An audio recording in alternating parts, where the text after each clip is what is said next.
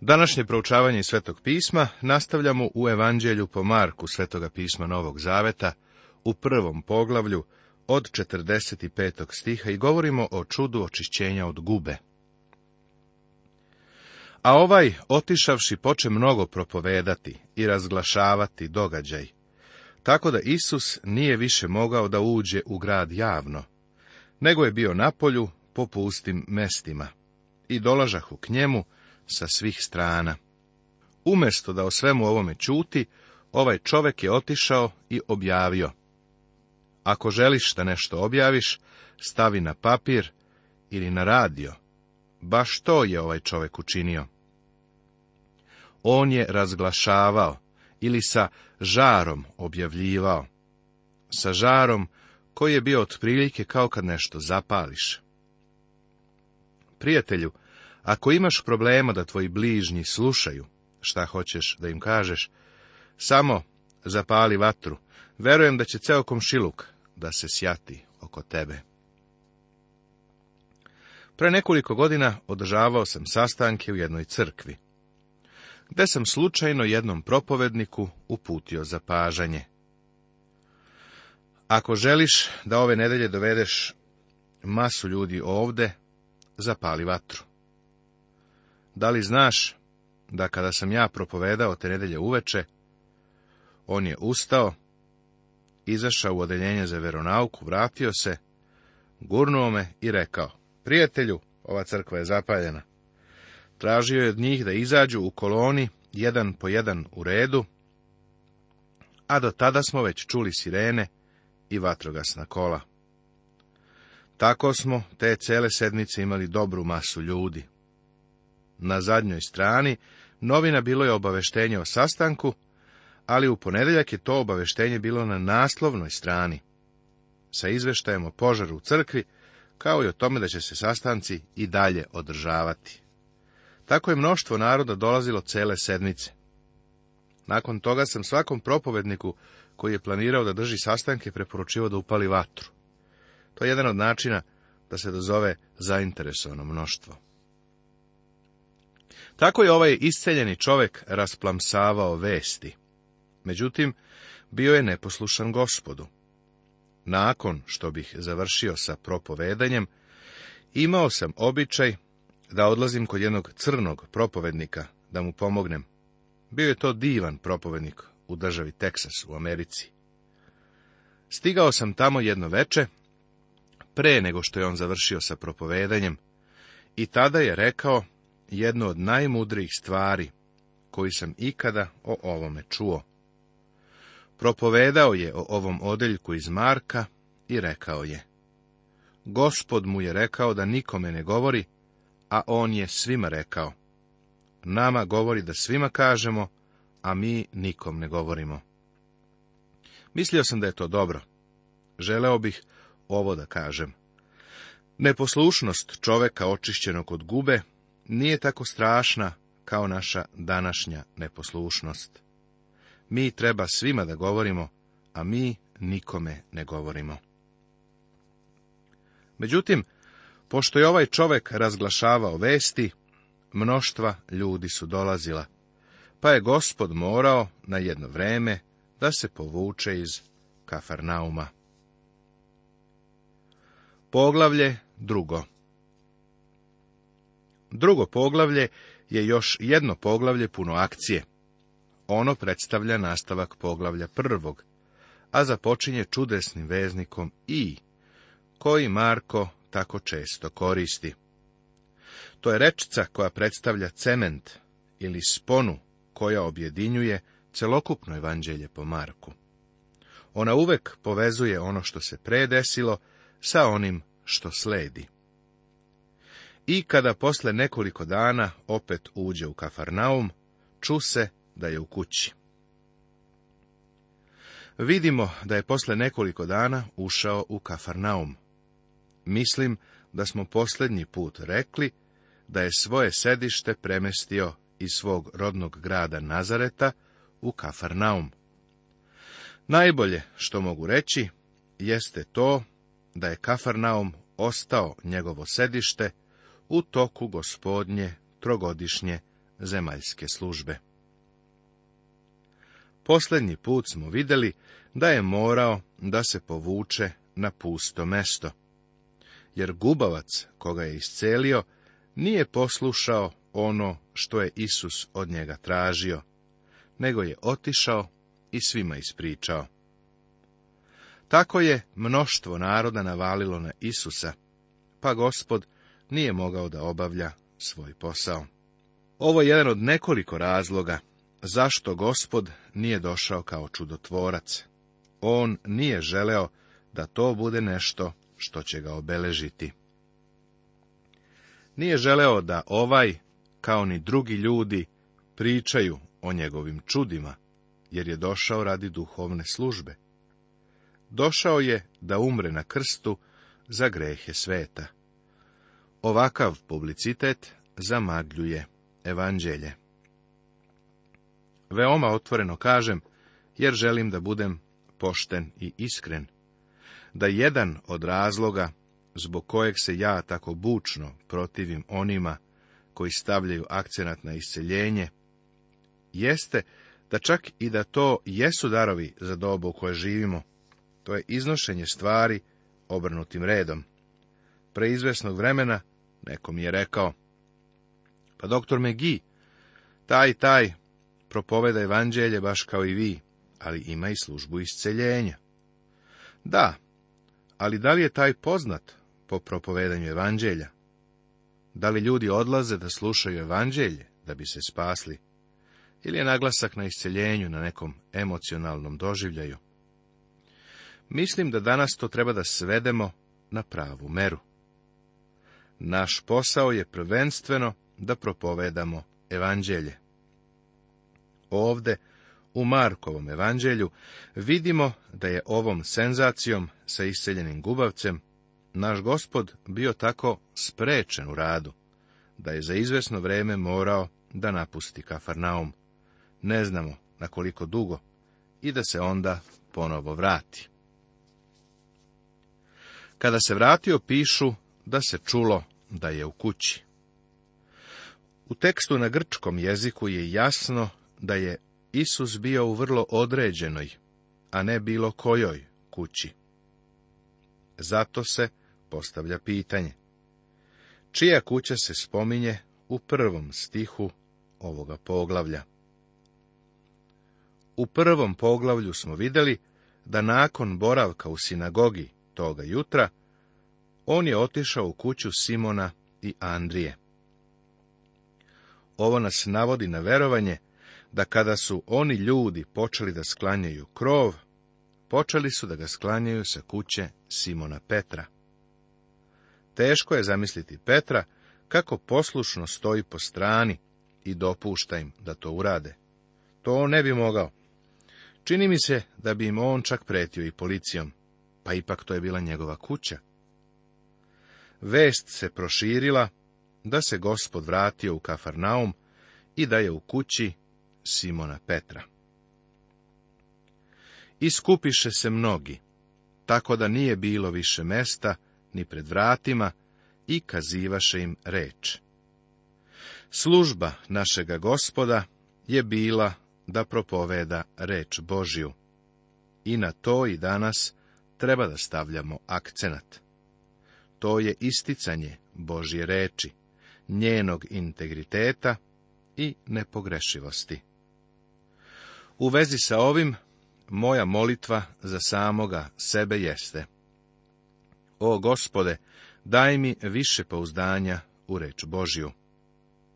Vidim šta ona danas čini u srcima i životima, a znam i to šta je učinila za mene. Kao posljedicu toga, Trebalo bi da imam još više pouzdanja nego što imam. Biću vrlo otvoren. Ponekad sam se pitao da li će ona imati uticaja na bilo koje srce ili život. Priznajem da nemam veru koju bi trebalo da imam. Moramo se sećati da je ovo Božja reč i da mu se nikada neće vratiti prazna. Zato se radujem kada čitam da je gospod njima propovedao reč. Sada se naša pažnja usmerava na jednu drugu grupu. To je delegacija od petoro ljudi. Oni pristižu prašnjavim putem ka Kafarnaumu. I dođoše k njemu noseći uzetog čoveka, koga su nosila četvorica i kako zbog naroda nisu mogli da ga prinesu njemu, otkriše krov kuće gde je bio i prokopavši ga, spustiše krevet na kom uzeti ležaše. Sada je naša pažnja okrenuta ka ovoj grupici od petoro ljudi i njihovom izgledu. Jedan čovek je bolestan, paralizovan, sirotan. Nije mogao ni da dođe tamo jer je ležao na nosilima. Ostala četvorica nose ta nosila, svaki držeći po jedan ugao. I tako stižu. Ne mogu da uđu u kuću zbog mnoštva koje je napunilo i vrata i prozore. E sada, u današnjem crkvenom radu uvideo sam da ono što se radi više od svega ostaloga jeste planiranje i osnivanje odbora. Odbor je nešto od čega pastir u crkvi često zavisi. Danas se crkveni posao velikim delom obavlja kroz odbore različitih organizacija. Neko je rekao da je odbor sačinjen od grupe ljudi koji pojedinačno ne mogu ništa da učine, ali koji zajedno mogu da odluče da se ništa i ne uradi. Uopšteno gledajući, baš to rade. Da su ovi ljudi uradili onako kako mi to radimo, ova grupica bi imala odbor. Odbor za vrata je došao, pogledao unaokolo, vratio bi se i rekao ne možete kroz vrata. Onda su imali odbor za prozore, koji se osvrnuo, pogledao, vratio i rekao ne možete kroz prozor. Na sreću, imali su i odbor za krov. A taj odbor se vratio i saopštio. Mislim da bismo ga mogli spustiti kroz krov. Tako, ako imaš mnogo odbora, naći će se i onaj koji nešto radi. U svakom slučaju, rešili su da ga spuste kroz krov. Pa su se ovi ljudi prihvatili posla skidanja krova kada su čoveka spustili u Hristovu prisutnost, mislim da su se neprijatno osjećali, jer su vidjeli da su upali na sastanak. Možeš zamisliti šta to predstavlja za jedan sastanak koji je u toku. Ovde nam se ne iznosi šta je Isus tom prilikom poučavao, ali je došlo do iznenadnog prekida. Gospod ih je sigurno pogledao i nasmešio se, skoro sam siguran u to. I videvši Isus njihovu veru, reče, uzeto me, sinko, opraštaju ti se gresi. Čiju veru? Ovih ljudi? Ovo me je nekoliko godina baš uznemiravalo, kad god da bih pogledao taj stih. Činilo mi se kao da je vera ovih ljudi dovela do spasenja tog čoveka.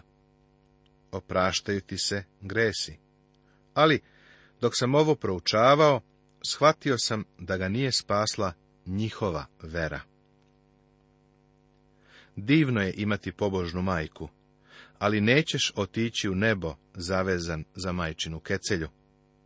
Divno je imati pobožnog oca, ali te tvoj pobožni otac neće spasti. moraćeš ćeš sam da imaš i pokažeš veru. Ti moraš verovati. Pažljivim istraživanjem uviđamo da nije vera ovih ljudi spasila oduzetog čoveka. Vera ovih ljudi ga je dovela na mesto na kome je čuo i doživeo kako se gospod Isus njim lično bavi. Videvši Isus njihovu veru, znači da su imali veru da paralizovanog čoveka donesu k njemu. Kada je on to video, on se lično obratio čoveku i rekao, Sinko, opraštaju ti se gresi. Danas su nam u crkvi potrebni nosači nosila, ljudi i žene sa tom vrstom vere, da odu i dovedu nespasene, da bi čuli evanđelje. Mnogo je ljudi danas koji su paralizovani grehom, oduzeti ravnodušnošću ili predrasudom. Veliki broj ljudi ne želi da dođe u crkvu gde se propoveda evanđelje, sve dok ne uhvatiš za jedan čošak nosila i ne doneseš ih. Baš to su uradili ovi ljudi. Imali su veru da ovog sirotog čoveka donesu da čuje kako će se gospod Isus njim lično pozabaviti i reći mu, sinko, opraštaju ti se gresi. A neki od književnika seđahu onde i razmišljahu u svojim srcima. Što ovaj govori tako? On huli. Ko može da oprašta grehe, sem jednoga Boga? Evo neprijatelja, oni ne govore naglas, nego samo u sebi razmišljaju. U svom razmišljanju nisu u pravu u vezi sa prvim pitanjem, ali su u pravu u vezi sa drugim. Ovaj čovek sa velikim Č nije hulio, ali jeste istina da samo Bog može oprostiti greh nijedan sudija nema pravo da oslobodi kriminalca. Njegova dužnost je da sprovodi zakon. Bog je moralni vladar ovog svemira i svoje zakone mora da brani. Bog ne može biti bez zakona. Ne može, jer je pravedan. A pošto je načinio zakone, on ih poštuje i njegovi zakoni su neumoljivi nisu se promenili, a po njima ti i ja smo krivi pred Bogom.